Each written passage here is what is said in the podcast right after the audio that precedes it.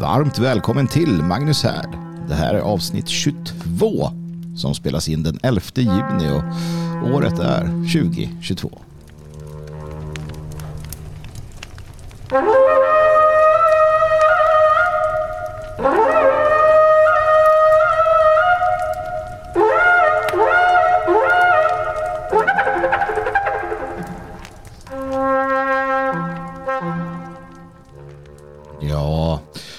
Sommaren har kommit, nationaldagen har eh, kommit och gått och vi eh, går nu mot midsommar. Jag lever mitt bästa liv för tillfället.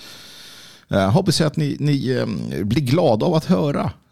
Jag har det ganska fantastiskt just nu på olika sätt och vis. Och det är sådär att man vet inte riktigt vart det bär hän. För det är så, det är så nytt och annorlunda men ändå, ja jag vet inte. Svårt att, svårt att beskriva ibland sånt där. Hur man har det, men bra har jag det i alla fall. Uh, oförskämt bra. Eller kanske, kanske rättmätigt bra. Jag, jag har ju generellt sett lite svårt att uh, fungera på topp när allt är som bäst. Uh, ta mitt skapande i den mån vi kallar det för ett skapande i att skriva. Jag är som bäst på att skriva när jag mår som sämst. Vilket är eh, problematiskt. De bästa eh, verken, om jag, om jag nu har producerat verk, eh, jag vet inte om jag har om jag kvalificerat mig till, jag vet att Jalle Horn skulle skaka på huvudet bara han hörde det. Men i den mån jag har producerat viktiga verk så har de producerats och skrivits när jag har mått som sämst. När jag mår som sämst så är jag som mest kreativ i alla fall upplever jag det så. Och, och, och det kanske är någonting man gör, jag vet inte, fokuserar på ett visst sätt. Och så. Men när jag är som mest lycklig, um, då får jag inte mycket gjort alls istället. uh, men eh, jag ska hitta en bra balans här. Inte mellan, uh, inte mellan att vara jätteolycklig och lycklig, utan att kunna fungera bra. Man ska, man ska vara lycklig, hörni. Det, det är viktigt. Uh, och ni förtjänar det, ni också, allihopa som lyssnar. Ehm, såklart. Kan man säga så att man förtjänar att vara lycklig? Ja, det tycker jag att man kan säga. Sen går livet upp och ner. Och det gör det av, av naturliga skäl. Det finns en, en, intelligens bakom detta. Det finns ett, ett skäl bakom detta. Såklart, som det gör med allt annat. Och det är att vi ska uppskatta saker. Om eh, det där är så klassisk högstadiefilosofi så att finns inte det mörka så kan vi aldrig uppfatta det ljusa. Eller distinktionerna försvinner i en icke-dualistisk värld. Eh, och så vidare. Och så är det ju. Sanningen är ju sån. Sanningen är också väldigt kortfattad. Sanningen är eh, väldigt eh, enkel egentligen. Det där var någonting som jag blev varse ytterligare när jag lyssnade på Jalle Horn och Robin Holmgren. När de pratade om gamla grekiska filosofer, 14 stycken till antalet eller 12 eller vad det var. Eh, och man konstaterade att eh, de gamla grekerna var väldigt sådär tydliga och väldigt kortfattade. Framförallt så fanns det en spartansk, en, en, en, filosof från Sparta. Han var väldigt bra. Han körde one-liners. Det var hans grej. Och jag insåg någonstans att de, det kanske är så att de, de djupaste sanningarna hittar vi på Twitter och Instagram. One-liners eh, i eh, levererade med någon, någon, någon, bra bild. Va? Eh, det behöver inte vara krångligare än så. Det där ska jag ta till mig. Nästa verk får bli ett verk av one-liners. Eh, jag hoppas ni har det fantastiskt bra där ute också. Jag hoppas att eh, er försommar eller sommar eller vad vi nu är i har fallit ut väl. Att ni, att ni drar nytta av eh, den här ljusa, soliga perioden. Gå ut, gå ut i skogen, gå ut på ängarna, ta av er kläderna, ställ er mot solen, hälsa, eh, hälsa denna livgivare. Ja. Och se till att få mycket utetid, bada och ha det bra helt enkelt. Sitta och grilla och, och så vidare. och så vidare. Ja, jag har ju märkt att, att min egen energi ökar. Um, av olika skäl, men ett skäl är utan tvekan uh, ljuset och sommaren. Jag sover mycket uh, kortare, behöver inte sova eh, lika länge. Uh, och det är mycket lättare att vara ute och gå och röra sig och så vidare. Man undrar hur våra förfäder tänkte den där gången när de säger, ah, nej, men har ni hört grabbar, det finns ett land uppe i norr. Isen har precis dragit sig tillbaka. Ja, de satt här nere i liksom, eh, med Mellaneuropa hade det ganska gott. Eh, och så, så var det några skäggiga fanstyg där som sa, nej men hörni, alltså den här isväggen eh, håller sakta på att dra sig tillbaka. Vet ni vad vi gör? Vi följer efter den. Man bara okej. Okay. Och så fick de ihop ett gäng. Eh, ett gäng karar och, och kvinnor som sa, ja men det här är en bra idé. Vi kör på den. Vi, vi kör på den, vi, vi drar uppåt. Och så drog de till isväggen och bara, här är en stor jävla isvägg. Titta vad sakta den smälter bakåt. Men vi ser till att bo precis vid isväggen. Så, så bara fortsatte de. Uppåt, uppåt, uppåt, uppåt. Eh, ja, och någon sa, men hörni, fan, det är ju mörkt. Halva året är ju jättemörkt och tråkigt. Och, och andra halvan, det är så här ljust. Och vi blir deprimerade. Och, ja, ja, men det är fint. Kom någon peta in, det är fint. Titta den här höstetiden, vad fin den är. Jo, jo, det är jättefint. Men halva, halva stammen lider ju av depressioner halva året. Och andra halvan lider av depressioner andra halvan av året. Ja, ja, det här klarar vi för att eh, det är fint. Titta vad fint det är. Jo, vi har myggor som svärmar, stora som, eh, jag vet inte vad. Ja, ja, men det är fint. Ah, våra förfäder, vilka lustiga figurer de var. Vad 17 tänkte de med? Ja, det kan man undra. Och man kan också undra vad andra tänker med. Det finns så många problem med den värld som de har skapat att det är svårt att, eh, att, att eh, liksom värja sig. Jag tror att många inte lägger samman saker. Det är det. Jag tror många inte tänker på att, um, att, det, att det blir liksom många bäckar små också i det här, eh, i det här sammanhanget. Och det jag menar med det är att man ser så här, ja, men du har kriminaliteten, du har upploppen, du har vad det nu kan tänkas vara. Va? Och allt det här, det, det är sånt som vi inte ja, gillar såklart. Uh, och det är sånt som vi då ser att det här är ett problem som har kommit via invandringen eller, eller så. Um, och, och, och, mycket riktigt så är det ju ja, på det sättet såklart. Ehm, men det man inte ser, eller snarare så här, det går att värja sig från. För att du, du bor, de, alltså, majoriteten av svenskarna bor ju på ett sätt som gör att de har det väldigt bra. Um, och även om du ligger, liksom, även om du befinner dig bara en, ett stenkast. no pun intended. Gud vad jag satt och tänkte länge på att jag ville få in det här skämtet även om du bara bor ett stenkast från ett utanförskapsområde. Ni vet, det, finns en, det finns en grekisk filosof vars namn jag inte längre kommer ihåg. Han drog ett skämt eh, och så skrattade han så mycket så att han dog. Jag vet att jag nämnt det här förut. Uh, och det är lite utav, utav en, en det, det, är lite utav ett så här, så, så sätt jag vill dö på. Att dra ett riktigt bra, tycker jag då, men alla andra dåligt, eh, skämt. Och sen skratta, ni vet, sådär kluckande gott eh, åt det egna skämtet tills det brister en åder eller en, vad det nu heter och, man faller död ner med ett stort leende på läpparna. Eh, ja, då får någon vara snabb där med trolldegen och köra en dödsmask så att man kan för evigt minnas som den där eh, glada döda killen. Även om du bor ett stenkast mina vänner, eh, ett stenkast från ett utanförskapsområde så kan du leva helt uh, avskilt. Alltså, att du inte påverkats, påverkas. Samtidigt som de skjuter och, och vad de nu gör uh, i sina områden så sitter du hemma uh, i, ditt, i ditt fina ombonade hem och har det bra. Och jag tar inte det från någon. Jag, jag sitter också i mitt ombonade hem och har det bra. Varför skulle, jag, varför skulle jag söka eländet? Jag är inte dum i huvudet. Trots att jag kommer, jag kommer från ett folk som av någon anledning sökte isväggen. Då. Men jag tänker inte söka en, en liksom, eh, ett förortsområde bara för att så här, leva i någon form av pina. Nej, utan vi har det bra och vi kan skilja oss från detta och vi gör vad vi kan. Eh, de flesta svenskar som inte är galna, de, de gör verkligen allt de kan för att deras barn inte ska hamna i skolor, fritidshem och liknande eh, som är mångkulturella. Man vill, man, vill, man vill skära ner och det här är ju det stora, den stora liksom, eh, det stora underliga i vårt folk.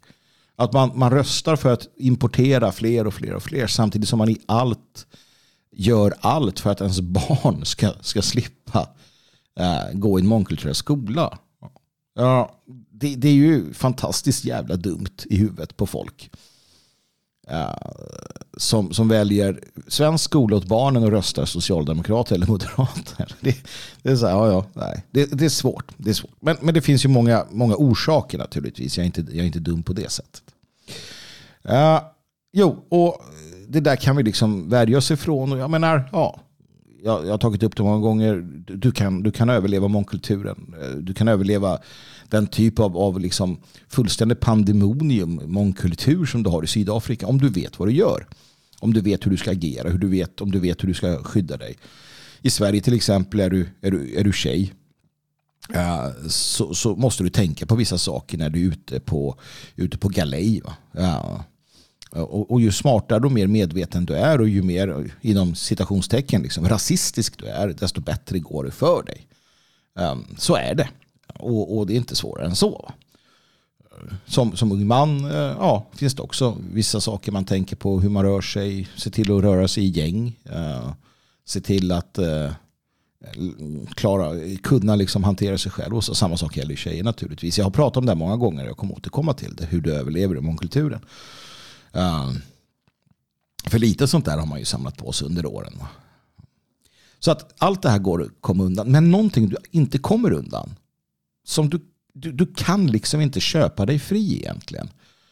Ehm, det är alla följdeffekter. Som du kanske inte ens tänker på. Men som blir mer och mer och mer och mer uppenbara. Det kan vara hur företagsklimatet i ett område förändras när hantverkarna helt plötsligt som kommer eh, har arbetsdisciplin och härkomst från en, ett ställe som definitivt inte har den svenska standarden eller vår, vår grad av utveckling eller civilisation. Och de ska helt plötsligt komma då och fixa och dona med ditt hus, lägga om ditt tak, byta fönster eller vad du vill. Och de kan inte upprätthålla den standard som, som, som vi hade då. Det är en sån där sak. Ja, samma sak när det kommer till alla typer av reparationer och liknande. Det, det, det, det är ju så att somliga kulturer, somliga är, är på ett sätt och andra är på ett annat sätt. Och sällan kan de två bära upp varandra. Jag, är, jag skulle vara en väldigt dålig Masai. Jag pratat om det tidigare. Jag skulle vara en urusel Masai. Ja, de, de där massajerna i Afrika skulle liksom slå sig för pannan på hur jävla dålig massaj är.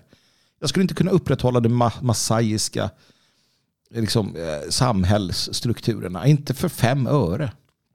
Jag skulle vara en jättedålig eh, japan antagligen. Fruktansvärt dålig japan.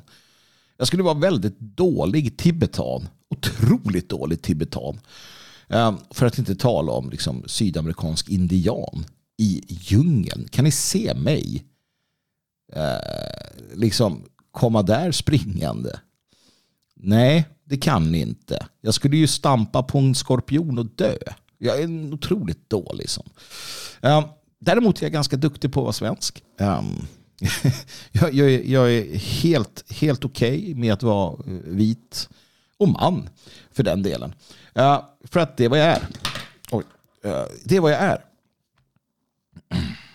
Jag är ganska bra på att prata också. Uh, och, och sköta sånt här. Utan när jag sitter och leker med en penna samtidigt så tappar jag pennan och så smäller det till. Det var det som hände nyss. Men också en sol har fläckar. Uh, så är det. Men i alla fall. Uh, de här delarna kommer vi liksom inte undan. Och jag har varit med om det nyligen. Jag beställde ett, en, en produkt som skickades till mig. och den här produkten kom till utlämningsstället. Vilket är eh, affären här i Elgarås. Och där skulle jag gå och hämta mitt DHL-paket. Och här har jag att göra med två aspekter av den moderna världen. Utlänningar eh, och eh, globalistiska storföretag. Och det är en jävla dålig kombo. Va? För att paketet naturligtvis eh, lämnades. Jag fick ett meddelande. Du kan hämta ditt paket. Jag sprang dit. Eh, jag ska berätta varför jag sprang dit. Och så, så skulle jag hämta det och då fanns det inte där. Och det var i princip omöjligt att kommunicera med människorna. För att de kan inte svenska. De kan heller inte engelska.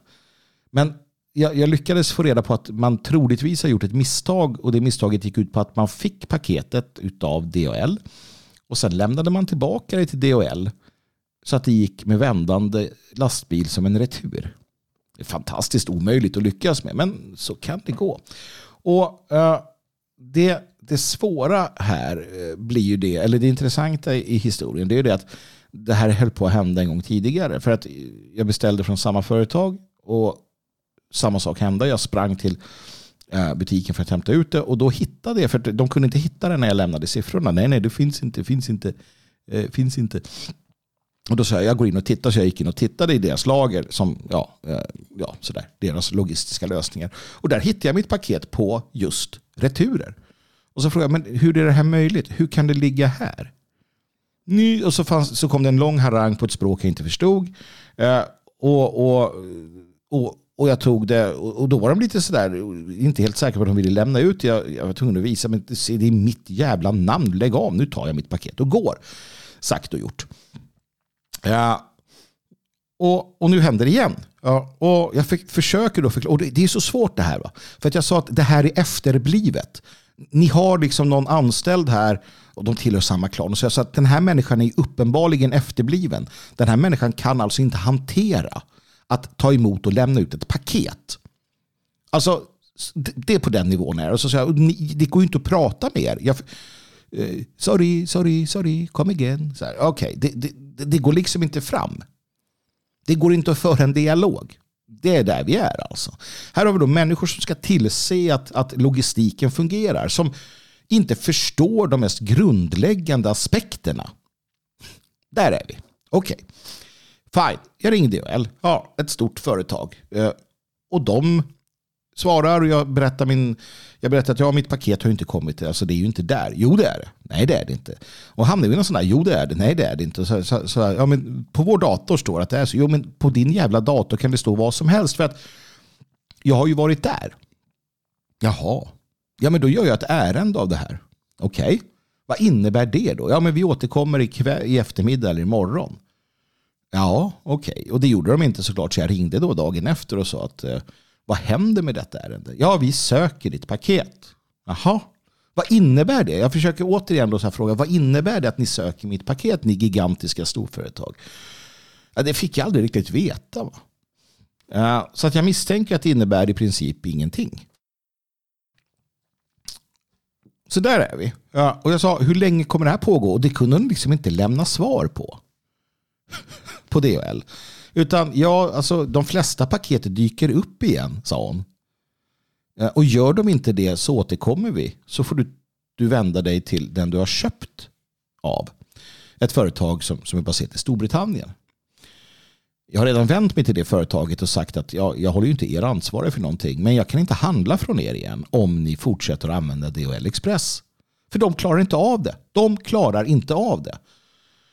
Och det här är det som vi hela tiden tvingas hantera. Ett paket här, en lastbilslast där, en buss som kör fel där, ett felaktigt inslaget nummer på en terminal någonstans.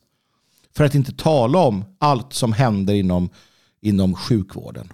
Allt som händer inom de, de, de, den, den, liksom, eh, den offentliga sektorn som, som um, av olika skäl, många gånger ideologiska skäl, tvingas i princip, ek ekonomiska skäl också, just använda den här då så kallade liksom arbetsreserven av utlänningar som ska göra viktiga uppgifter. För det är så. Allt ifrån alltså sjukvård och hemsjukvård och, och, och allt vad det heter uh, till, eh, till, till logistik i ett samhälle till reparationer av byggnader, brandskydd och allt ni kan tänka er. Det här är livsviktigt. Det här är livsviktigt. Byggnadsarbetaren, hemsjukvårdaren, ehm, de, de som, som liksom jobbar på centrallager och levererar sig till att saker, det är livsviktiga ehm, personer. Jag bland annat själv har beställt medicin, då, receptbelagd från, eh, från någon sån här tjänst på nätet. Och då sitter du någon, i något lager någonstans och skriver ut och gör och förpackar och skickar till mig. Uh, tack och lov, där har jag inte haft problem. Men en vacker dag, och jag är ju en sån som, som tittar och dubbelkollar vad jag får, men en vacker dag kommer ju någon skicka helt fel jävla medicin för att de inte bryr sig eller kan. Och så sitter det någon stackars tant eller gube där ute och tycker att det här ska jag ta. Och så tar han den vanliga dosen och så faller han väl död ner. Va? Hur många dör på grund av den här typen av problem i mångkulturen som, som vi inte märker i vanliga fall? Och hela det här med att samhället då sakta men säkert eroderar.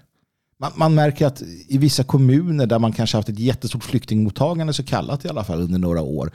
Helt plötsligt så är vägarna inte så bra som de var. Det, de här hålen lagas inte. Jag kan tycka att jag märker det här till exempel. Att det är saker som blir eftersatta. Och allt det här hänger ihop. Allt det här hänger ihop med, med, med, med massinvandring, mångkulturen eh, som i sin tur hänger ihop med välfärdsstaten och hur den har förvekligat och fördärvat oss i den mån att vi inte kan hantera, oss, hantera någonting själva. Och att vi sitter och ser hur det här förfaller utan att göra något åt det. För att det är ju staten som ska ta hand om oss. Familjen har spelat ut sin roll. Mannen och kvinnan är egna enheter som kan leva goda liv helt på egen hand som små öar för att staten har trätt in och tagit släktens roll, familjens roll, makens roll, hustruns roll och föräldrarnas roll. Så när det uppstår ett stort jävla hål på gatan då sitter alla som menlösa jon och vet inte vad de ska göra. För det är ju myndigheterna eller sker någon annan hemskhet ute i samhället, ett övergrepp eller liknande, då står folk och kliar sig i huvudet. Så att nu har staten känt att äh, men vi kanske måste införa en, en, en plikt för medborgaren att, att, att agera i händelse av att de ser ett brott. Agera i den mån att de ska typ ringa polisen. Eller kanske till och med försöka gå emellan. För det händer inte naturligt. Förstår ni hur välfärdsstaten har fördärvat folket? Välfärdsstaten och massinvandringen. Den har tagit bort ansvaret och sen gjort det omöjligt att få ett fungerande samhälle. Det är där vi är. För att den här typen av sociala experiment som det hålls på med, de, de, de, de, de går att göra i ett homogent samhälle. Men så fort samhället byter skepnad så krackelerar det fullständigt. Den här tokiga feminismen, eh, alla de här olika eh, alltså sociala och värdegrunds, liksom, värdegrundsutflykterna som det pågås med eh, och som det, som det tvingas på oss. Allt det här, jag ska inte säga att det liksom är att föredra eller ens egentligen okej okay i ett homogent samhälle, men vi kan hantera det. Vi kan hantera det i ett homogent samhälle där vi är överens om att nationen och folket är det centrala, det grundläggande. Men om vi är överens om det så kan vi hantera väldigt mycket politisk eh, och, filosofisk och religiös eh, olikhet i samhället. Men blandar vi också in i den som är en, en, en liksom häxkittel, men blandar vi också in folkutbyte, då havererar det. Och där är vi.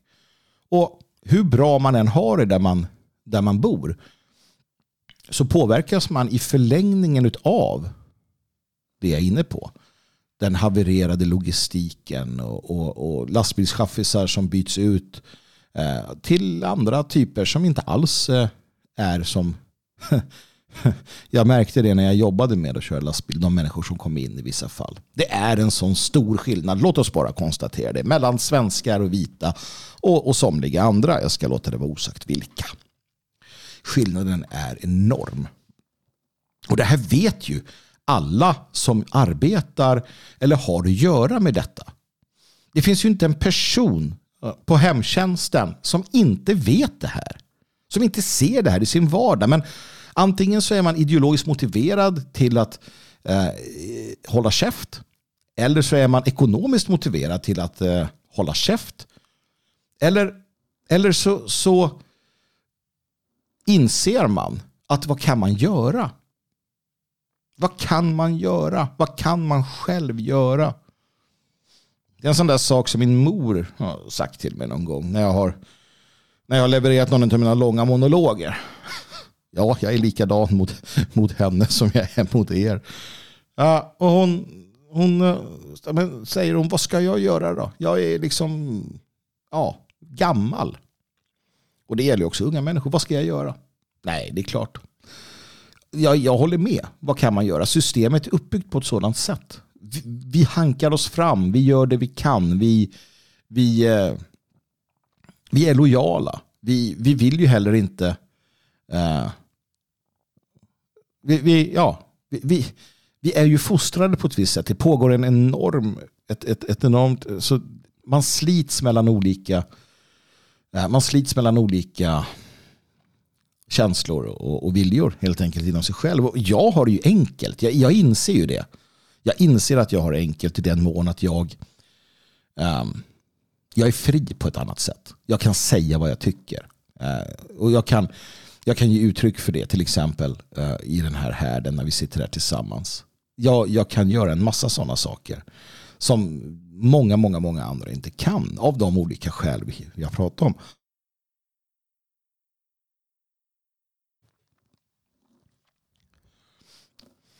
Så att här måste man då koppla in det här att ingen kan göra allt men alla kan göra något. Vad gäller att man själv då in, in, funderar över vad, vad man själv kan göra. För det är klart att man kan göra något. Men för, för, att det blir ju så i, i ehm, och det, det, måste man då förstå att man påverkas. Du, du kära lyssnare, kommer att påverkas. Och du gör det redan nu. När den där leveransen försvinner. När, när, alltså det, det är extra kostnader, det är liksom dyr tid pratar man om förr i världen. Men det här är någon annan, det här är liksom mångkultur, tid och ekonomi eller någonting. Det, det, det är den här kända extra skatten som vi betalar, mångkulturskatt. Och den, den ska vi då betala för att det här experimentet ska fortgå. Så att vi tvingas acceptera det mediokra. Nej, inte ens det mediokra. Så vi tvingas acceptera det usla. Vi tvingas acceptera ett samhälle som liksom havererar fullständigt. Det är vad vi tvingas acceptera. Vad de, vad de då tycker att vi, uh, att vi ska liksom bara ta. Vi ska bara ta det säger de. Um, och och jag vet inte, jag, jag, jag håller inte med om det. Jag vet att ni inte heller gör det. Men det är många där ute som fortsätter att göra det. För att man, man, man vänjer sig långsamt. Och det är också så. Och det här är en, en gammal känd sanning. Som sagt, sanningar är ganska, uh, ganska korta och enkla. De, de, de människorna, om vi tar den stora medelklassen i Sverige, den är beredd att kompromissa väldigt, väldigt länge med systemet. För att det fungerar så. Vi som går först, vi som är vägröjare, vi är lite knepiga på olika sätt och vis. Vi är lite knasiga. Till det lite trasiga. Vi har, vi, har, vi har en del grejer för oss som gör att vi på ett annat sätt ser det här som händer. Vi är lite tidigare än andra kanske. Ja, och sen lite beroende på hur mycket vi sticker ut hakan är vi också mer, mer eller mindre ja, konstiga om jag får använda det uttrycket. Så. Både på, på gott och ont. Ja, och, och, var det, var det, och, och, vi kan ju inte bygga en rörelse på det. Vi kan ju inte bygga en opposition på, på, på bara oss. Jag vet att du tittar dig själv i spegeln och tänker nej det kan, det kan vi nog inte göra.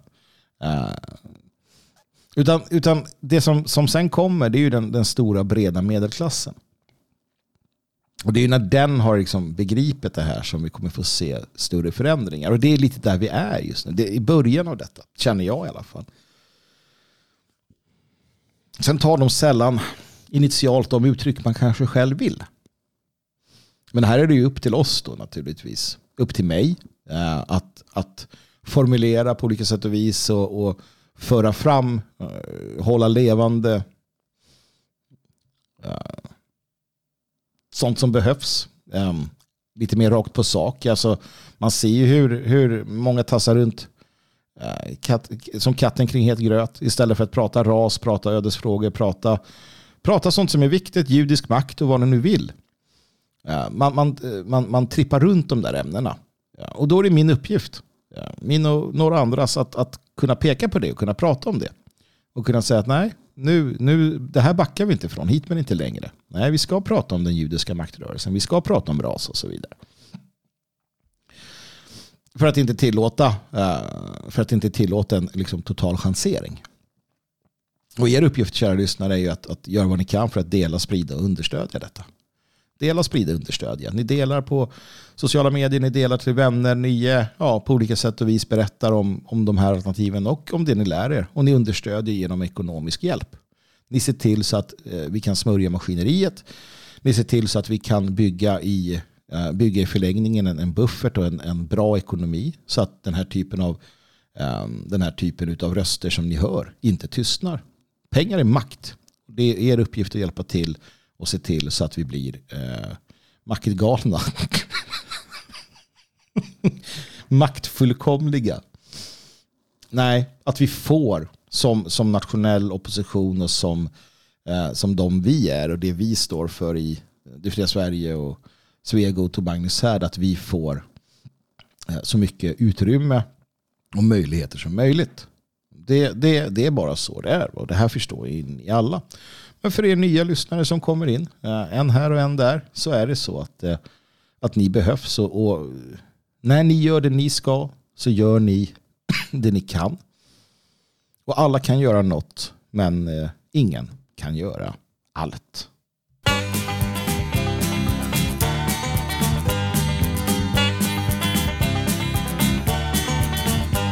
We fought them at the bunker, it was just the other day. They laid an ambush in our path, we went another way to capture Bulawayo oh, and stop a fearful war. The Salisbury Horse, Victoria Rangers, and the Old Cape Corps on the first day of November of 1893. We fought the Matabele at the Battle of Benghazi.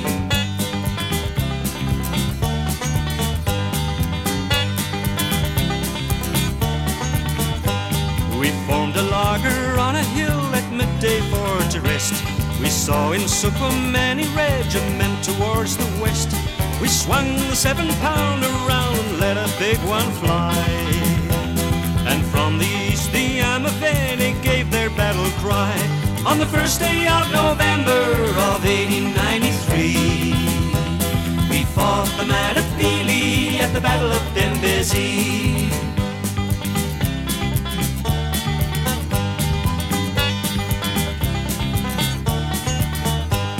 The wild Ngubo with the fierce Mbisu on their right came charging from the northern bush. They were a fearful sight, and near six thousand warriors we stopped them on the run. The bravest of the brave could never match the Maxim gun. On the first day of November of 1893, we fought the Matabele at the Battle of Bembezi. On the first day of November of 1893, we fought the Matabele at the Battle of Bembezi. We fought the Matabele at the Battle of Bembezi.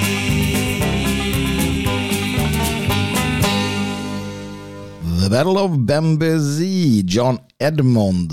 Sydafrika är vårt, Rhodesia är vårt. Inget snack om saken, bara liberalt bjäfs att eh, hävda, hävda annorlunda. Eh, John Edmonds ska ni lyssna ofta på. Eh, finns på, mm, finns på, mm, vad heter det? Spotify bland annat. Eh, och eh, eh, det är vackra, vackra sånger, toner från ett Rhodesia från fordom.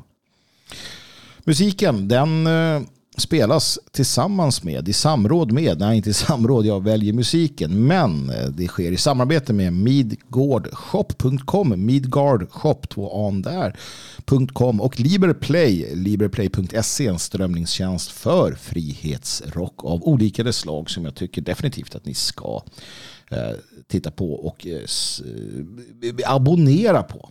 Eh, finns det tillgång till att streama då naturligtvis. Och Midgård Shop har allt du kan tänka dig. Allt du behöver och mer därtill. Vi ska hoppa över eller hoppa in på detta med eh, lyssnarfrågor, eh, lyssnarfunderingar, lyssnarfrågor och jag, jag, jag är fylld utav, eh, fylld utav glädje. Vilken, vilken publik tänkte jag säga. Vilka, vilka, vilka, vilken härd, vilken, tänk att sitta med er alla tillsammans kring den här stora riktiga härden. Det sprakar och man eh, har, har lite att äta och dricka och, och kunna kunna göra det här. Det hade varit någonting. Härdens folk, det är vilka ni är. Härdens folk. Ett bra, en bra benämning.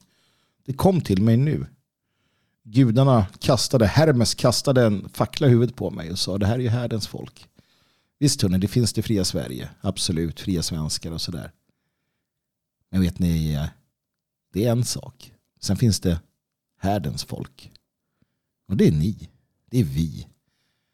Jag och ni, det är härdens folk. Det är en annan sak. Hmm. Jag gillar det. Det ligger, bra i, i, det ligger bra i munnen. Härdens folk. Säg det för dig själv. Jag tillhör härdens folk. Det är framtiden hörni. Det är framtiden. Och härdens folk är underbara, intelligenta, medkännande, modiga och på alla sätt och vis eh, härliga människor. Ibland skriver ni till mig. Till exempel så har jag fått följande. Enligt konspirationsteoretiker så anser den globala eliten att världen är överbefolkad och skulle behöva minskas drastiskt. Men har den globala eliten fel? Det är ett konstant utflöde av människor från Afrika och Mellanöstern till Europa och från Syd Centralamerika till USA och Kanada som inte visar några tecken på att avta i den överskådliga framtiden. Och dessa migranter har minimala möjligheter att skaffa sig ärlig försörjning. då de varken har mentaliteten eller färdigheterna som, tillhör Europa, eh, som tillför Europa något som vi behöver. Situationen är något bättre i USA och Kanada då syd och centralamerikanerna är mer arbetsvilliga. Men eh, sen har vi också alla dessa överflödiga parasiter i väst, alltså vårt eget, av vårt eget folk. Eh, med bullshitjobb eh, det är kommunikatörer och det är HR-avdelningar och det är värdegrundsarbetare och det är jämställdhetskonsulter, det är mångfaldsräknare och så vidare. Ingen av, ovan näm ingen av ovan nämnda skapar något som helst värde eller fyller någon som helst funktion i ett friskt samhälle. Så har den globala eliten så fel egentligen? Skulle inte världen vara ett bättre ställe utan alla dessa ovan nämnda? Det här är en av mina sådär paradgrenar ja, i, alla, i alla tider. Ja, sen jag såg ett klipp och det var någon sån här konspirationsteoretiker som sa titta på Titta vad den här prinsen, det var någon prins av Wales eller han var, jag vet inte, någon i kungahuset i England som var inblandad i någon miljörörelse av något slag. Han stod där i någon tweedkavaj och sen så hade han då fångats på film när han sa att jordens befolkning skulle, skulle behöva decimeras. Och det var ett jäkla liv på dessa konspirationsmänniskor. Åh, titta vad onda de är. Ondskan flödar från de här Illuminati som vill att människor ska försvinna, att jorden bara ska ha en miljon, bla bla bla bla bla bla bla. Och jag tänkte i mitt stilla sinne, de har ju rätt. Jag tillhör ju det gänget som håller på Thanos i, det här Marvel, eh, i den här Marvel-serien. Uh, Alltså, det är, det är ju sant. Överbefolkningen av afrikaner, alltså som det ser ut idag så är det Afrika och Asien och liknande som överbefolkas. Och i spåren av detta kommer en enorm, enorm tryck på miljön. Du har alltså det mänskliga lidandet i denna överbefolkning. Är, det, det går inte ens att förstå. Vi pratar hundratusentals människor som lever i svält och, och armod och sjukdom och, och det blir massförflyttningar, folkförflyttningar och, och lidande. Återigen, ännu mer skador på miljön. Alltså det, det, är ju, det är ju horribelt. Det är horribelt detta, mina vänner. Så ja, i den mån den globala eliten tycker att det är en bra idé med eh, en halverad befolkning på jorden, kör i vind det jag brukar skilja mig åt med andra ibland i detta det är ju att jag har en väldigt bestämd uppfattning över vilka uh, som är mer eller mindre värdefulla. Ja, jag säger det. Värdefulla på en, en, en sån uh, historisk och global skala. Alla behövs. Jag är helt för att vi ska ha en global mångfald. Jag är en mångfaldist. Gud vad jag älskar kulturell och raslig mångfald. Finns inget bättre.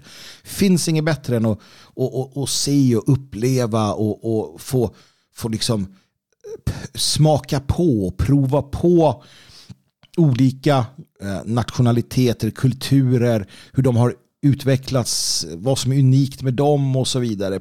På plats i deras territorium. Inte så mycket här kanske.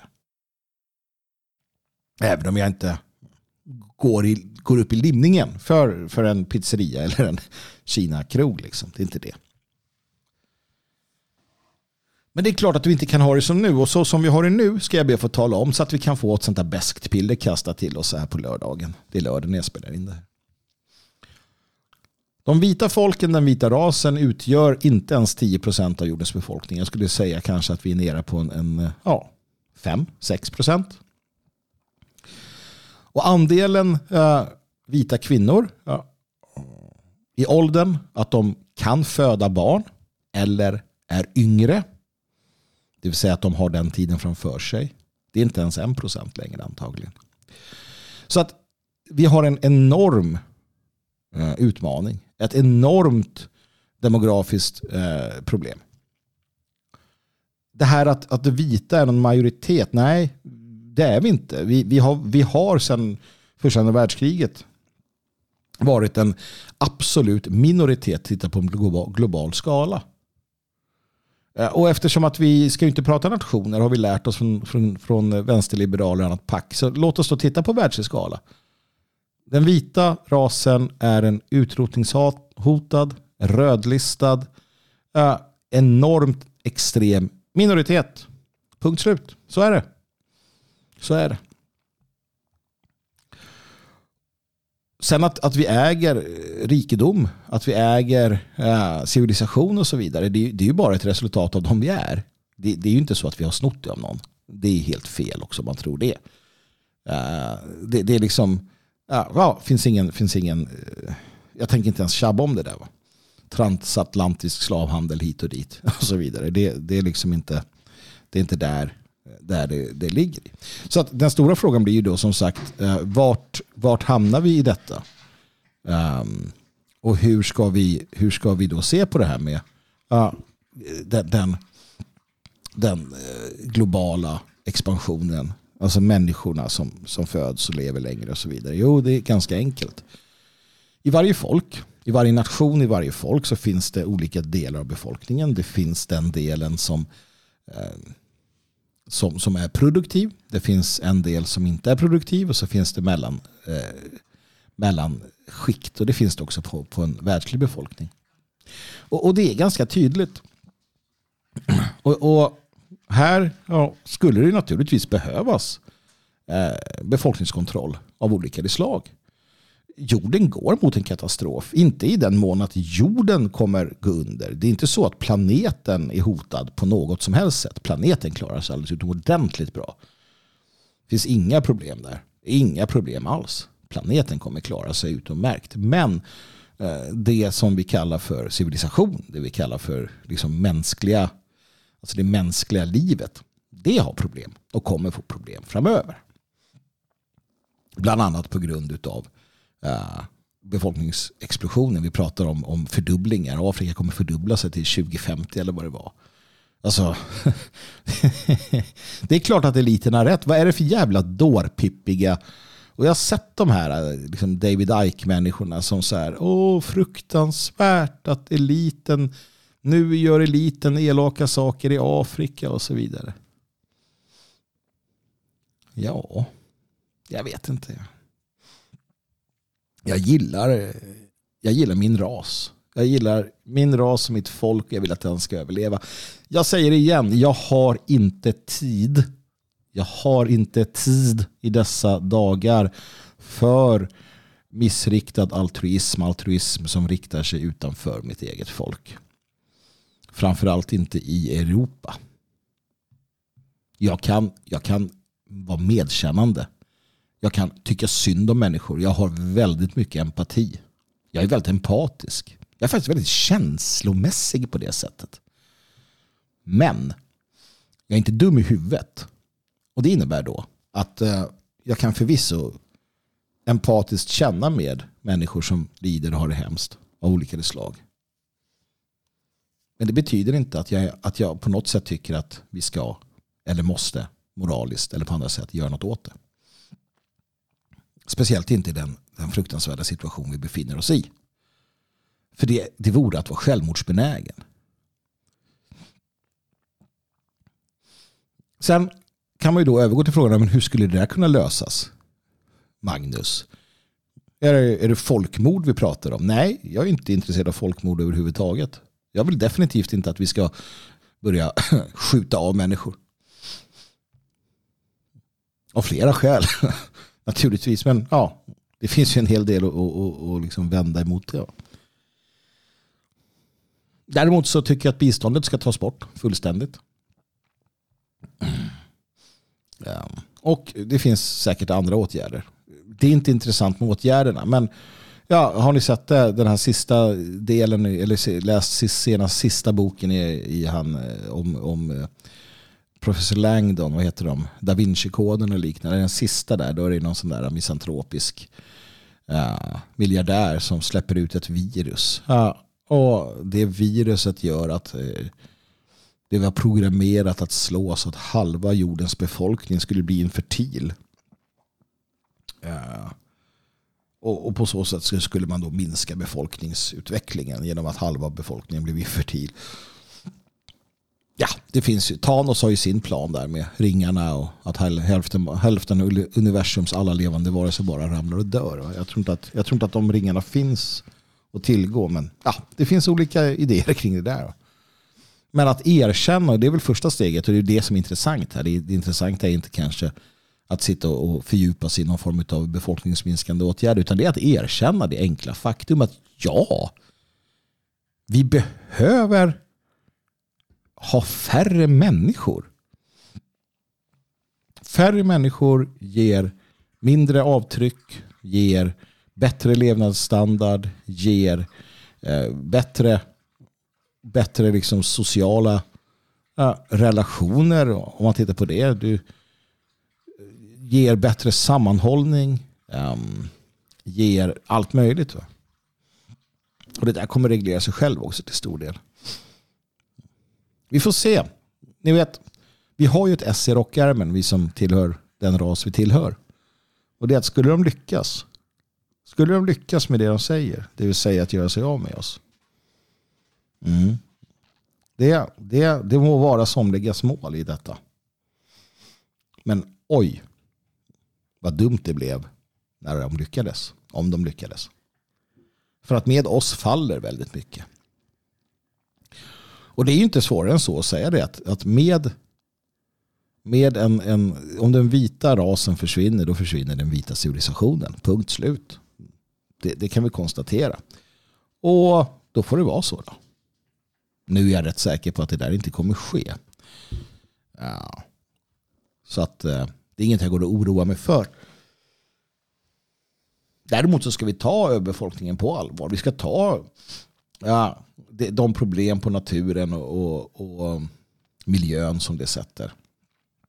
Klimatet kan vi inte göra särskilt mycket åt. Men men, men, men vi behöver lära oss hantera klimatförändringarna naturligtvis. För det sker ju sådana också till, till del. Så att det är mycket som kommer hända framöver. Och om vi bara kunde fokusera på att förstå att, att vi är eh, att, vi, att vi inte slösar um, att vi inte slösar för mycket altruism och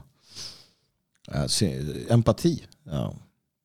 Sen, sen, kan vi gott och väl samarbeta. Ja, jag tror på globala samarbeten. Jag tror på inter, eh, till, till del då interrasliga eh, samarbeten. Absolut, vi kan ha väldigt bra utbyte med, med andra. Om man reglerar det på ett bra sätt och man har, man, man har förståelse för vad man håller på med. Att alla är inbegripna i, i detta. Och detta tänks och ser inga problem med det heller. Så vi har hållit på länge. Liksom. Det, det är först med globaliseringen och de här vänsterliberala sinnessjuka och bolsjevistiska idéerna som det liksom faller. Jag säger det igen, en, en nationalism, om, om en nationalistisk eh, idé skulle förhärs, vara förhärskande. Om alla folk var nationalister och de var nationalister av rätt skäl, på rätt sätt såklart. Inte den här eh, sentida knepiga versionen. Om det var så då hade vi haft en helt annan värld. En värld med gränser och med handel och med respekt och med intresse. Och det, det är det som finns där bakom hörnet, det är jag rätt säker på. Och det är väl ni också, ni som tillhör härdens folk. Ni, eh, ni förstår det här, ni, ni kan det här. Det är väl skönt också kanske att få, få det liksom eh, ja, sagt eh, till sig, hört till, upprepat för sig. Att man, man, vi har rätt, ni har rätt. Ni, ni, behöver, inte, ni behöver inte känna er ja, känna er som särlingar. Och jag vill rikta ett stort tack till er alla. Eh, ett stort tack till er alla som, som hjälper till.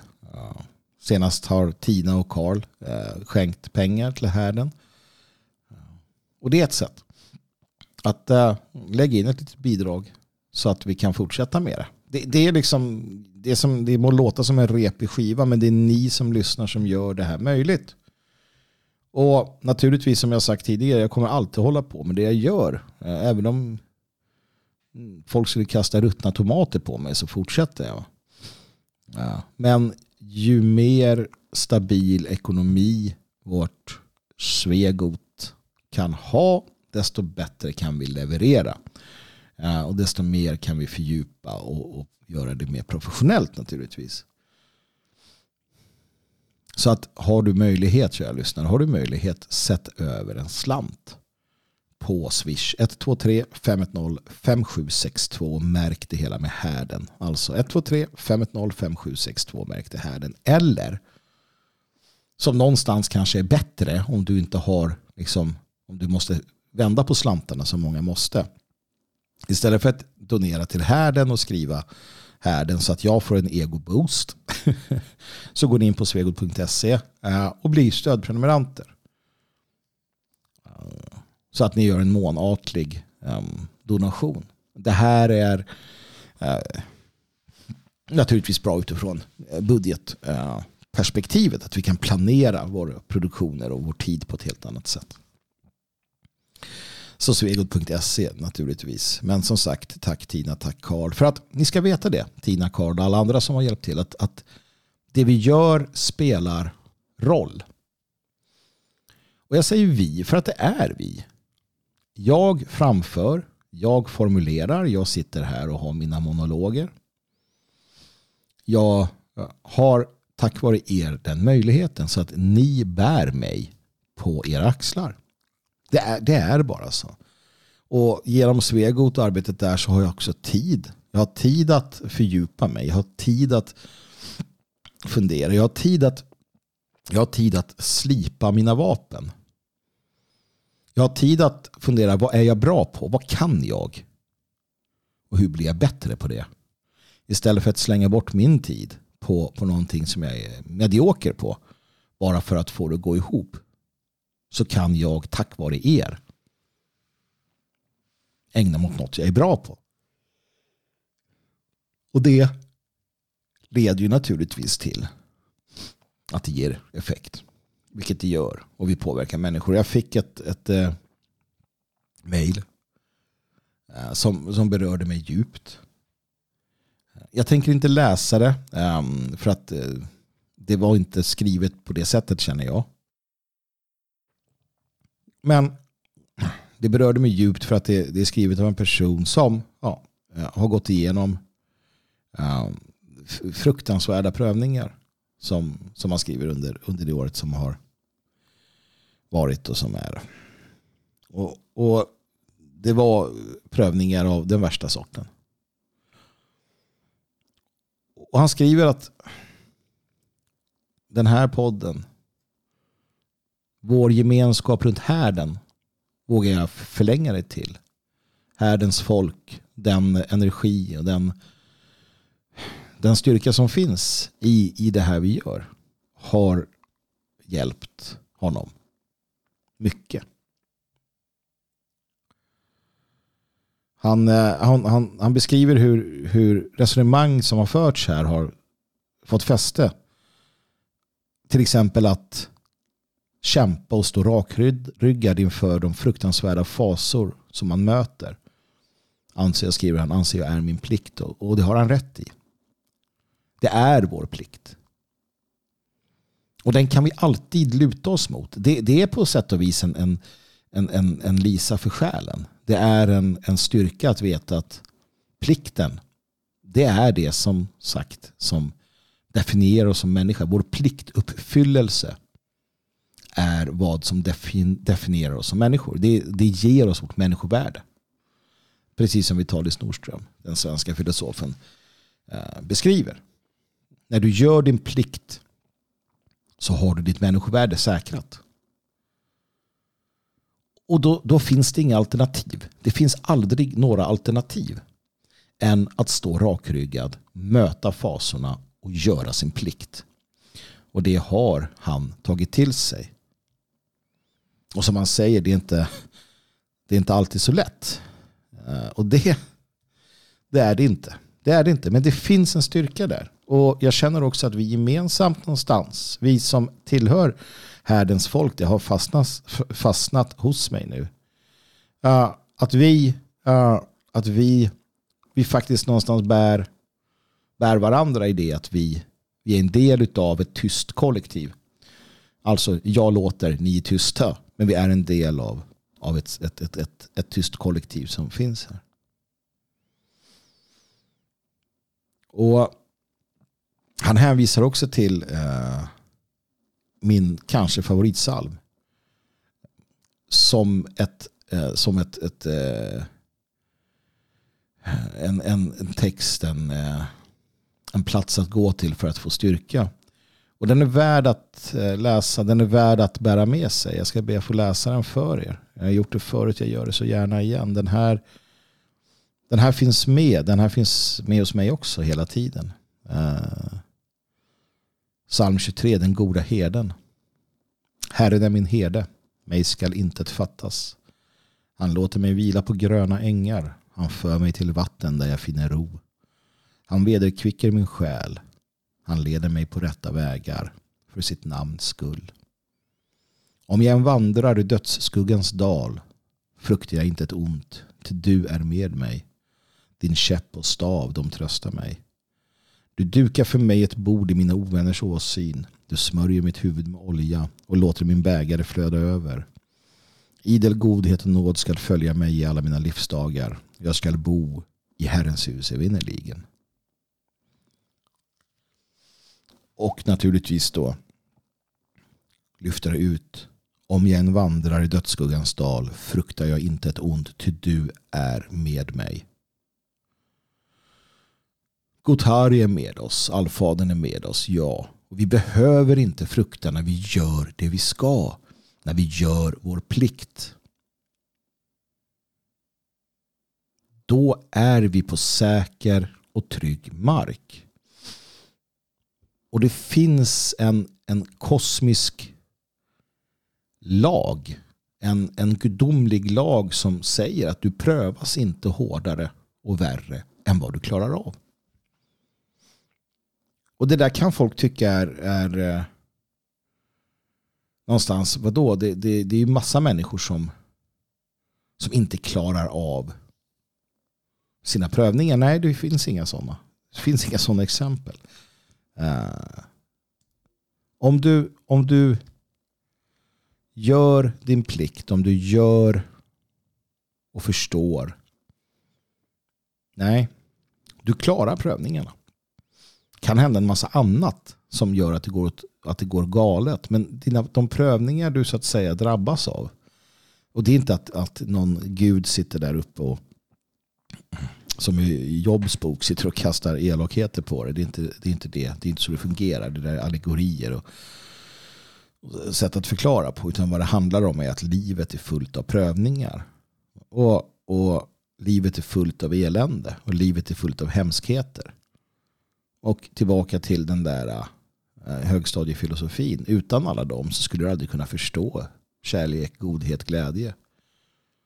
Då skulle i en värld utan hemskheter så skulle det vi idag ser som kärlek, godhet, glädje bli hemskheterna. I en värld utan död så skulle livet vara illa som döden. För det handlar om att uppskatta, det handlar om att förstå, det handlar om att känna. Det handlar om att ha, ha kunskapen och insikten om det som är jobbigt för att kunna förstå när det inte är jobbigt. Och det som, som skär igenom allt detta och det som får oss att fungera och det som får dem, det som får dem att fungera som fungerar. För det är många som inte fungerar, men det är plikten.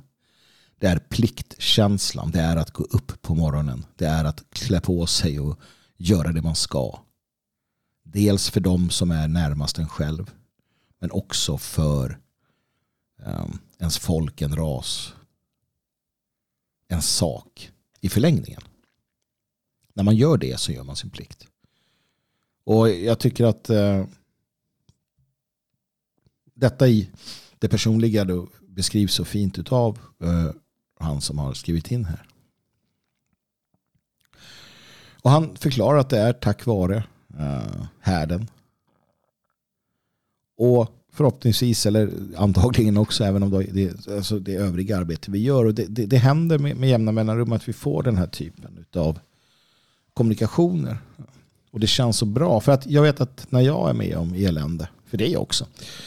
Herregud, livet är inget dans på rosor inte. Då, då är det det här som styrker mig också. Inte att sitta och lyssna på mig. Det, det, det, det, det är inte det, utan att, att veta om er. Och att veta om att det finns någonting här. Fria svenskar som strävar tillsammans och härdens folk den gemenskapen, om än så tyst den må vara, om än så eh, som det ser ut nu i alla fall då, spridd över landet, så finns den. Outtalad, men ändå levande. Det är sånt som, som spelar roll i, i, i slutändan. Så att eh, ett stort tack till, till dig som skrev och berättade. Um, jag kommer fortsätta finnas här. Uh, och ni kära lyssnare fortsätter att finnas här och hjälpa till. Och är det någonting vi kan göra för varandra så, så ska vi bara säga till och höra av oss. Skriv till mig. Eh, jag gör vad jag kan vid varje givet tillfälle. Och jag tänker fortsätta att säga både obekväma sanningar och eh, uppmuntrande ord men också kanske ord som inte är så jävla uppmuntrande alla gånger men som man behöver höra. Till exempel sånt som att du måste ta ansvar för dina egna handlingar. Du kan inte skylla på andra. Du måste bära bördor. Hittar du någon att dela bördorna med, fantastiskt. Men gör du inte det så måste du bära dem själv och du måste bära dem med den äran. Att leva ett ärofullt och hedersamt liv är ja, det är sånt, det, det, det är väl det bästa man kan hoppas på. Va? Och att möta monstren, att möta vemödor och elände med plikten i ryggen. Rädslan kommer alltid finnas där. Den djupaste sorgen kommer alltid finnas där. Glädjen kommer finnas där. Men det som omsluter allting och det som gör att vi tar nästa steg det är plikten. Och när människor som har den inställningen möts tillsammans när pliktkänslan omfamnar ett kollektiv. Ja, då finns det ingen ände på. Det finns ingen, det finns ingen utmaning som är för svår. Det finns ingen höjd som är för hög. När det händer, då kan vi lyckas med precis vad som helst. Hush my children, don't you cry. Daddy's gonna fight for you. until he dies. Lay down your head upon this night and dream your dreams oh until the light. Dream the dream of a little mind, birds and trees and our kind. Be as free as free can be. And in your dream please dream of me. Dream the dream of a little mind, birds and trees and our kind. Be as free as free can be. And in your dream please dream of me.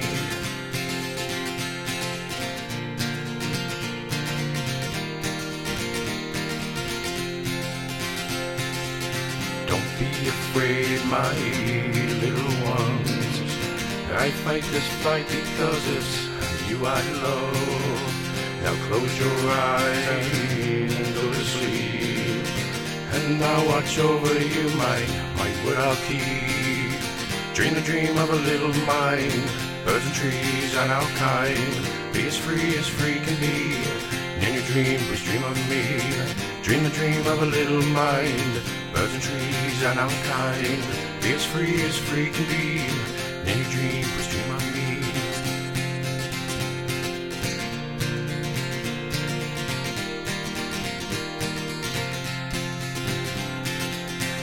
Hush, my children, don't you cry. Daddy's gonna fight for you until he dies. Lay down your head upon this night and dream your dreams until the light. Dream the dream of a little mind, birds and trees and our kind. As free as free can be. Your dream, please dream of me. Dream the dream of a little mind, birds and trees and our kind. Be as free as free can be. Your dream, please dream of me.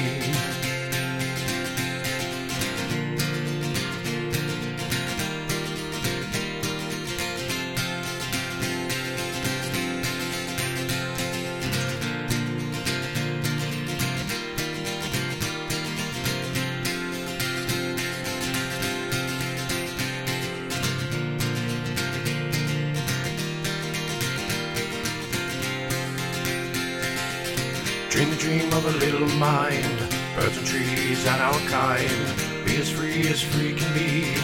Then in your dream, dream of me. Dream the dream of a little mind, birds and trees and our kind. Be as free as free can be. And in dream, dream of me. Ja, kortfattade sanningar. Det är någonting som jag känner att vi har eh, ägnat oss åt eh, under det här avsnittet hittills. Jag kommer fortsätta på samma sätt. Och, eh, musiken vi hörde var Griffin eh, för övrigt. Griffin är en eh, veteran eh, inom den här frihetsrocken och låten var Hush My Children. Fantastisk röst har han. Ehm, måste jag säga. Och han har gjort ett, ett flertal skivor och ja, spelar ibland på konserter och liknande i Tyskland. tror han befinner sig i Tyskland för tillfället. Naturligtvis då musiken presenteras i samarbete med Midgård eh, Records, midgardshop.com och liberplay.se eh, för er som gillar musik och det gör ni väl allihopa annars är ni ju lite konstiga. Som sagt, eh, korta, korthet, sanningar i korthet eh, har varit, eh, har varit temat för eh, programmet hittills. Vi har pratat om plikten igen. Ära, heder. Ehm, och hur det får dig att leva ett liv som är i grunden värt att leva. För så är det. Att man kan överkomma de svåraste, eh, de svåraste motgångar. Genom att fokusera på plikten. Genom att fokusera på det som i grund och botten är det som Gud och gudarna kräver av oss. Och Gud och gudarna säger jag. Jag brukar göra det. Jag är så här ekumenisk. Eh, jag är ju en, en produkt utav. Jag är en, en, eh,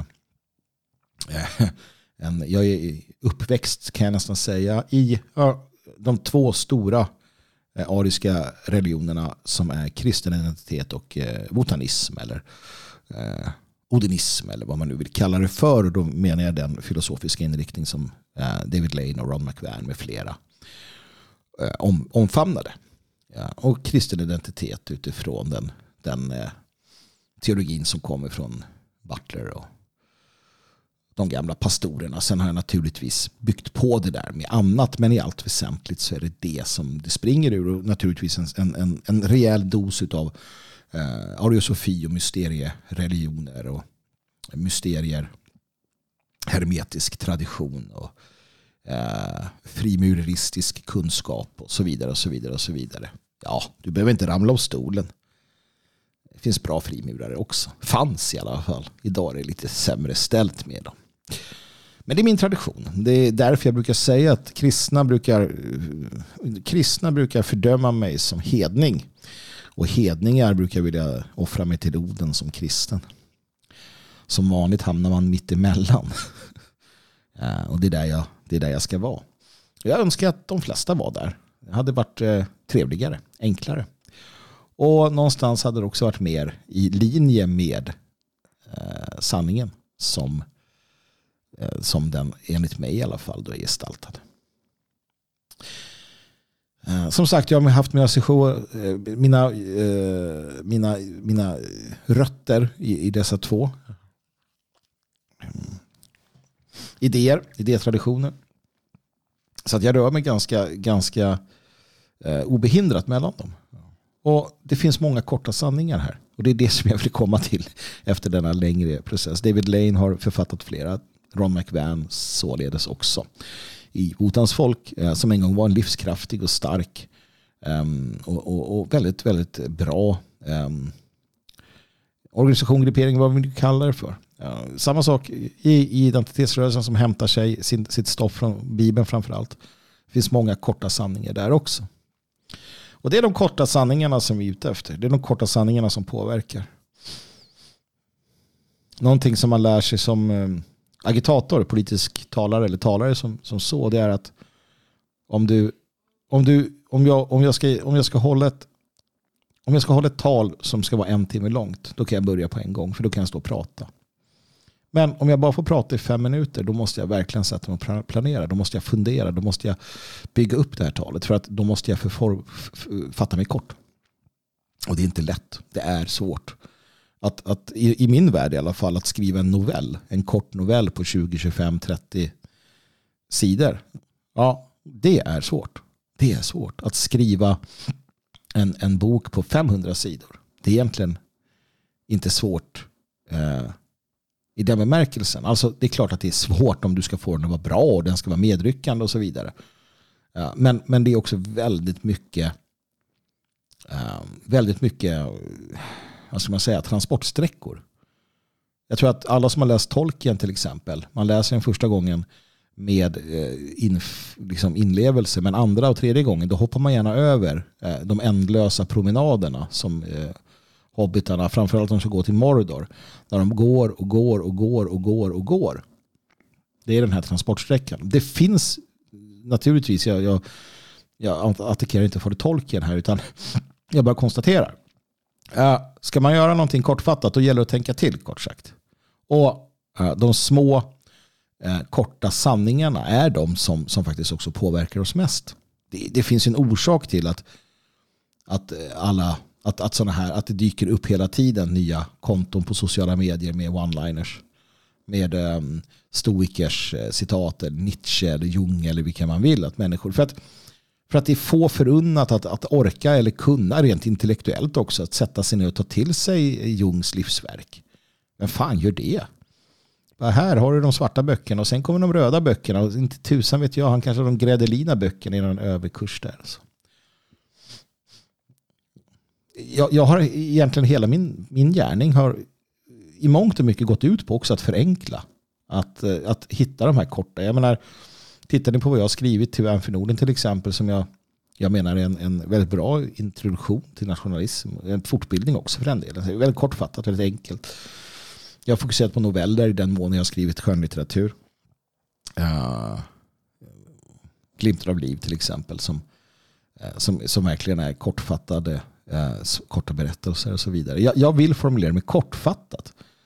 Sen, sen, absolut kan jag ju sitta och prata på det här sättet. Men det här är ju mer som jag ser ett samtal. Som jag har med er. Så att, ja. Eh, och jag har projekt på gång för att fortsätta uh, göra så här. Och för att på olika sätt och vis uh, göra, göra vår, vår kunskap, vår historiska kunskap tillgänglig för de som, som vill ta till sig den. Kunskap och förståelse är makt.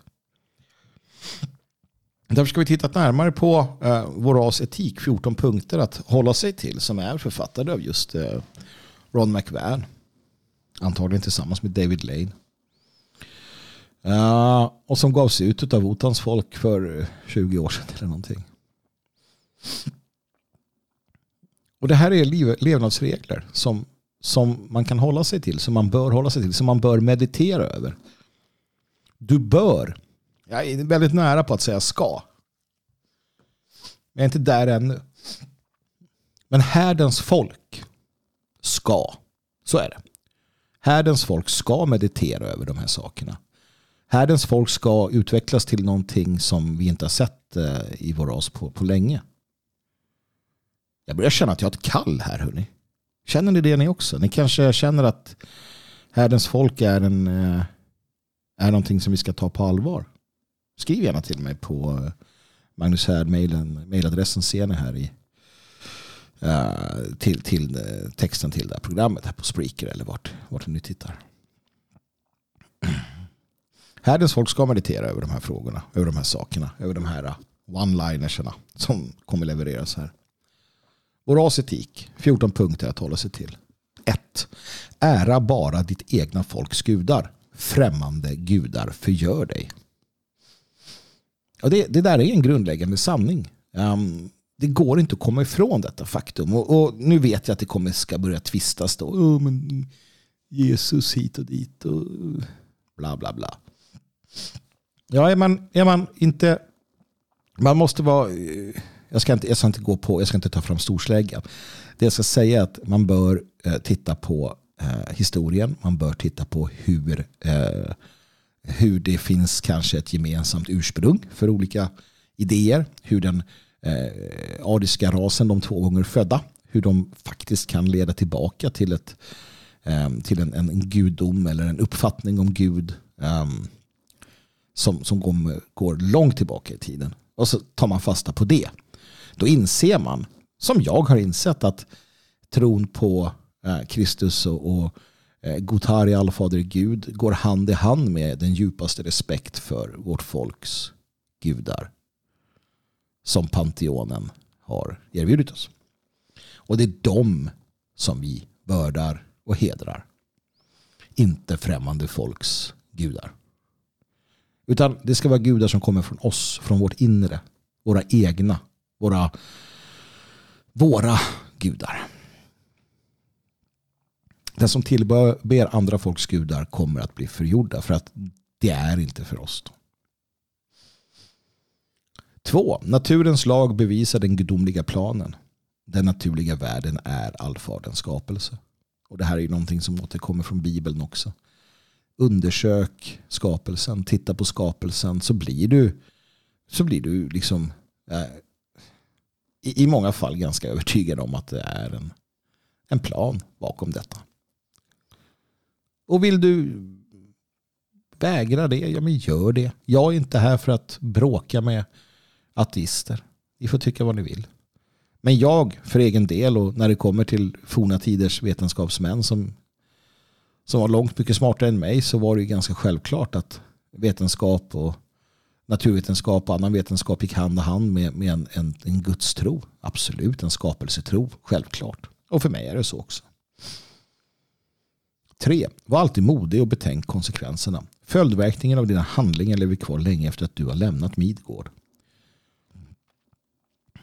Det där, är, det där är någonting att ta till sig. Något att meditera över dina handlingar vid varje givet tillfälle, hur obetydlig du än kan tycka att den är, lämnar ett avtryck som i sin tur kan bli ringar på vattnet och vara till skada eller nytta för vårt folk. Det är bara så. Det är därför du måste ha de här äh, olika äh, begreppen att hålla dig till. Heder, ära, plikt. Och göra vad du kan för att följa dem. För att då blir följdverkningarna goda. Så att det är värt att komma ihåg. Och framför allt för, för oss som är äldre, du kanske har syskon eller barn eller vad som är yngre. Då är det en förebild. Och då måste du tänka på sådana här saker. Och det är samma sak i, i din relation, i ditt förhållande. Ett förfluget ord. En, en, eh, en, en, en, någonting som är kanske bara menat som ett skämt som, är något, som, som blir fel. Eller en, en, en eh, kommentar som kanske verkade lustig eller o, liksom oförargelig för dig. Kan, kan få följdverkningar i din relation eller i ditt äktenskap eller vad det kan vara efter lång, lång tid. Och jag säger inte att man ska trampa runt på, på tå som någon liksom, överkränkt eh, sådär. Det är inte det jag menar. Jag menar inte att man inte kan vara rå och hjärterlig som är min favorit. Det är klart man kan vara det. Med rätt personer såklart. Men det handlar om att, att tänka lite extra. Det handlar om att vara lite mer lyhörd. Och det, det mår alla bra av. Det blir konsekvenser. Är du modig så, så, så sprider du mod. Är du ärlig så sprider du ärlighet.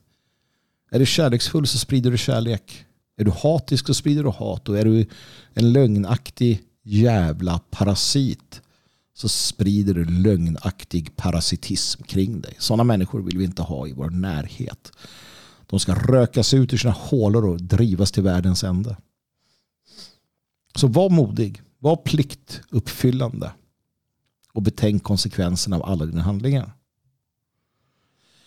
4. lev inom ramarna för detta livs verklighet och frukta inte ditt öde. Fruktan är för ynkryggar. Den modiga möter vad en nonan har bestämt.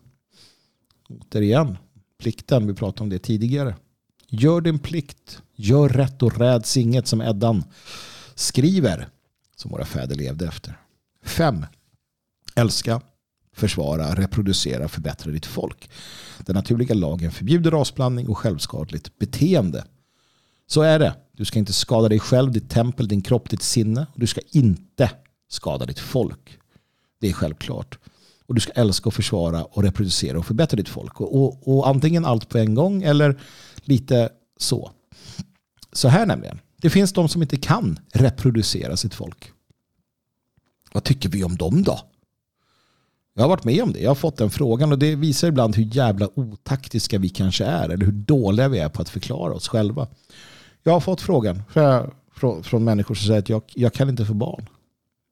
Men jag då?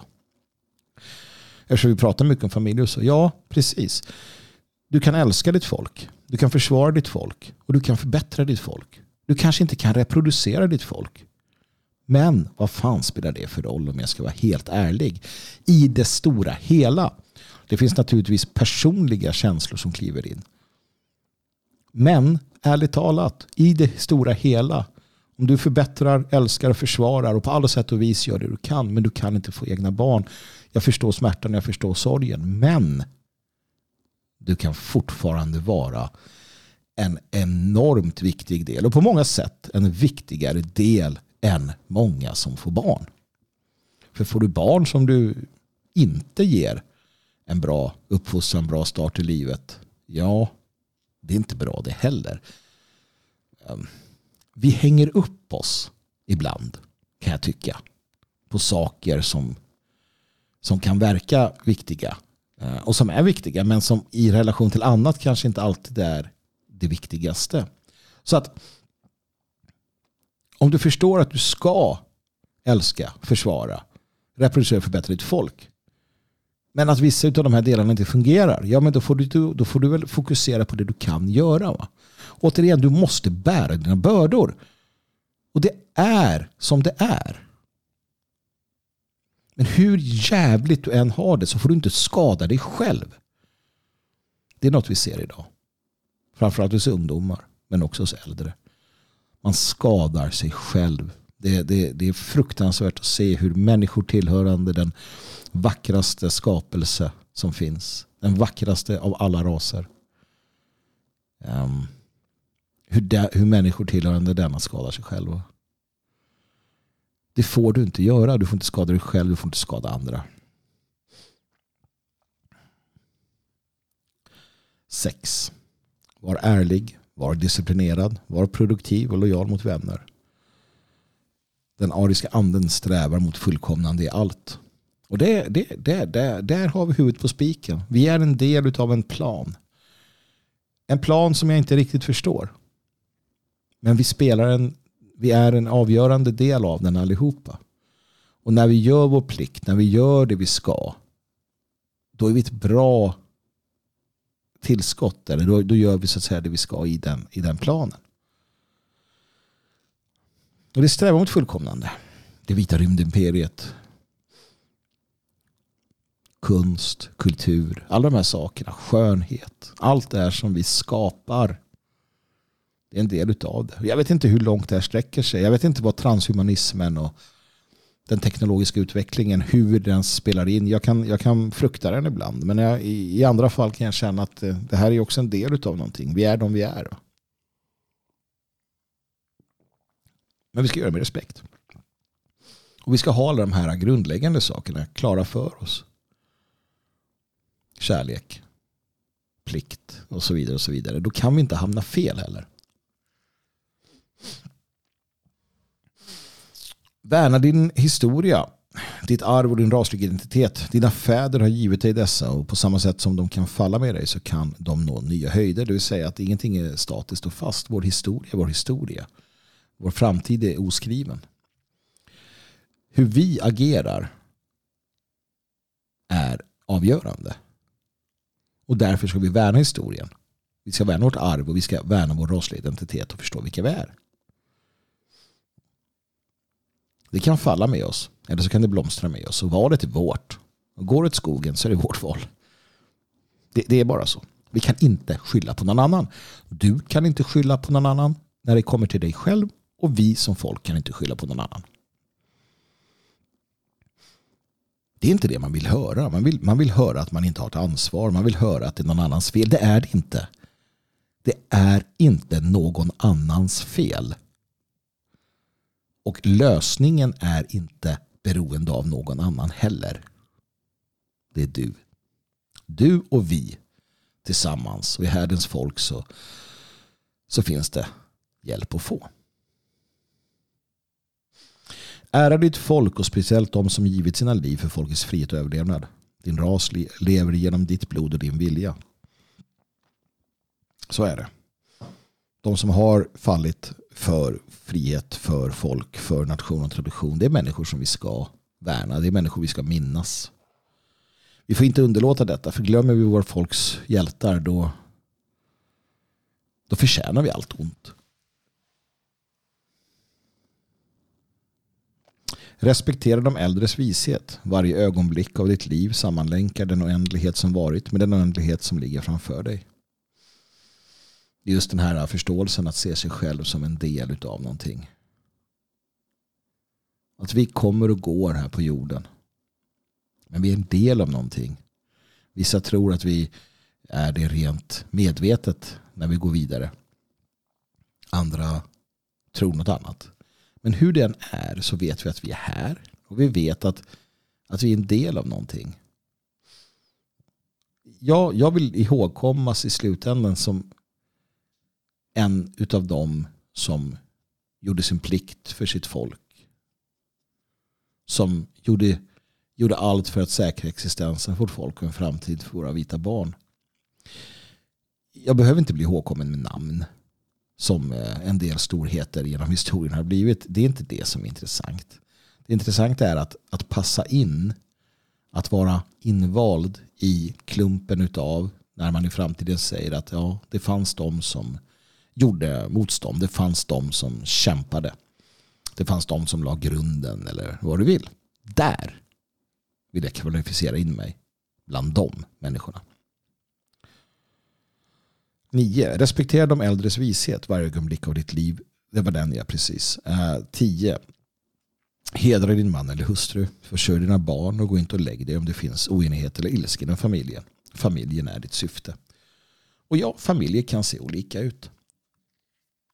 Så är det också.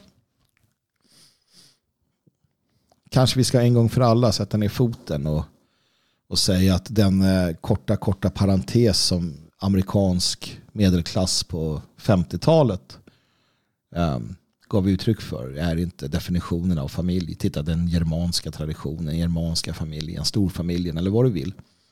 Och i dessa tider, i, I andra tider så ser familjer annorlunda ut. Jag, jag, jag, jag har jag har ingen eh, jag har inga pekpinnar att komma med i detta. Inom ramen för det naturliga naturligtvis. Det förstår ni också. Men det är klart att man i, i relationen hedrar sin man eller hustru. Det finns en intressant aspekt i Bibeln där Jesus talar, tror jag, Jesus som pratar om att, att, att eh, kvinnan ska vara slav åt mannen. Och att mannen ska vara slav åt kvinnan. Ofta så, så nämner folk bara det förstnämnda. Men det är sant, vi ska vara varandras slavar. För att är vi det i en relation, ja det blir ganska bra då. Ehm, och det, det, är ju där vi hamnar. Ta hand om dina barn, försörj dem. Ja. Ta hand om, respektera, älska din man eller hustru. Ja. Vi, ska, vi kan ha ett helt eh, avsnitt framöver om, om, om sånt. Ja. Men, men det är en, en grundläggande sak och naturligtvis ta inte, ta inte, red ut saker och ting innan ni går och lägger det. Låt ditt ord vara hugget i sten. Ditt ord är din ära och visar din karaktär. Det här är svårt. Det är svårt. Man, eh, man säger någonting. Och det är därför man råder ofta människor till att tala mindre. Man, man säger saker och sen eh, glömmer man bort det. Och så, oftast så är det ju så att de flesta löftesbrott, det är ju inte sådana som du gör medvetet, det är för att du glömmer det. Och samma sak där har Bibeln ett uttryck. Återigen Kristus som pratar om att du ska inte göra löften. Du ska inte lova något. Ditt ja ska vara ja, ditt nej ska vara nej. Du behöver inte lova. Du vill vara den människa. Du vill vara den människa som när han eller hon har sagt ja då vet alla att det är jaet. Det, det håller han eller hon sig till. Det, den människan vill du vara, eller hur? För det visar då, om du är han som alla vet att har han sagt det, då, då gäller det. Han behöver inte lova. Man behöver inte, jag lovar att, jag lovar att. Utan ja eller nej. Jag lovar att komma till middag klockan fem. Nej, du behöver inte lova det. Du kan säga jag kommer på middagen klockan fem. Det är klart att ditt ord är ditt löfte. Sen kan det där lova naturligtvis vara fint. Det kan vara fint att lova löften i kyrkan och sådär. Men, men ditt ord är ett löfte. Även om du inte säger jag lovar så ska ditt ord vara bindande. Och är du en sån människa då, då syns det. Var listig som en räv med din ras fiender. Deras mål är din undergång. Och här är någonting som den nationella oppositionen måste ta till sig återigen och förstå. Vi måste spela fult. Vi måste vara listiga. Vi måste vara i vår hantering av våra fiender. Av de människor som vill oss illa så kan vi inte bara gå på. Ge dem gratisfördelar av olika Eh, slag på olika, av olika orsaker. Utan vi måste vara listiga. Vi måste naturligtvis fundera, inte bara rusa åstad. Säkra, försvara, älska ditt hemland. Det egna territoriet är ett absolut krav för överlevnad. Och så är det också. Så är det också. Och vad är då det egna territoriet? Ja, det kan vi tvista om. Det behöver inte vara en nationalstat. Vi ser att det finns, eh, att det finns folk som eh, klarar sig utmärkt utan ett, ett sådant territorium. Men då har de en insikt av att deras ras är deras nation. Att de inom gruppen har sin nation, sitt territorium. Som de inte släpper in människor i lättvändigt. Vi har territorium i form av gränser. De bör vi hålla och skydda och, och utgå ifrån. Men det kan komma en tid då vi inte har det. Och då gäller det att vi har identiteten, kulturen, förståelsen och alla de här sakerna för vilka vi är.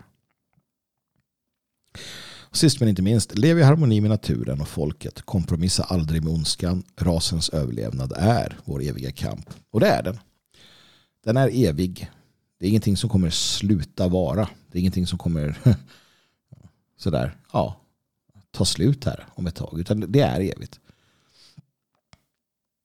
Och det viktiga är att leva i harmoni naturligtvis med naturen. Att, att inte bryta mot de gudomliga naturliga lagarna. För då går det åt skogen.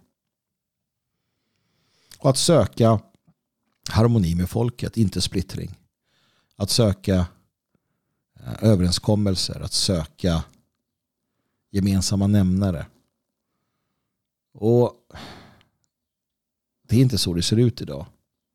Människor söker inte detta tillsammans utan de söker strid, polarisering och liknande. Och vi är en del av det och jag, jag kan inte göra annat heller. Jag kan inte det just nu. Men som riktmärke och som, som dröm så ska vi inte söka strid inom folket naturligtvis.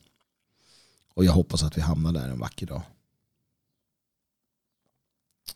Med det sagt mina vänner så tackar jag för mig. Glöm inte bort bort vad som är livets mening. Att eh, slåss med troll, befria prinsessor, döda varulvar. Det, det är att leva det hörni. Och sist men inte minst, ge aldrig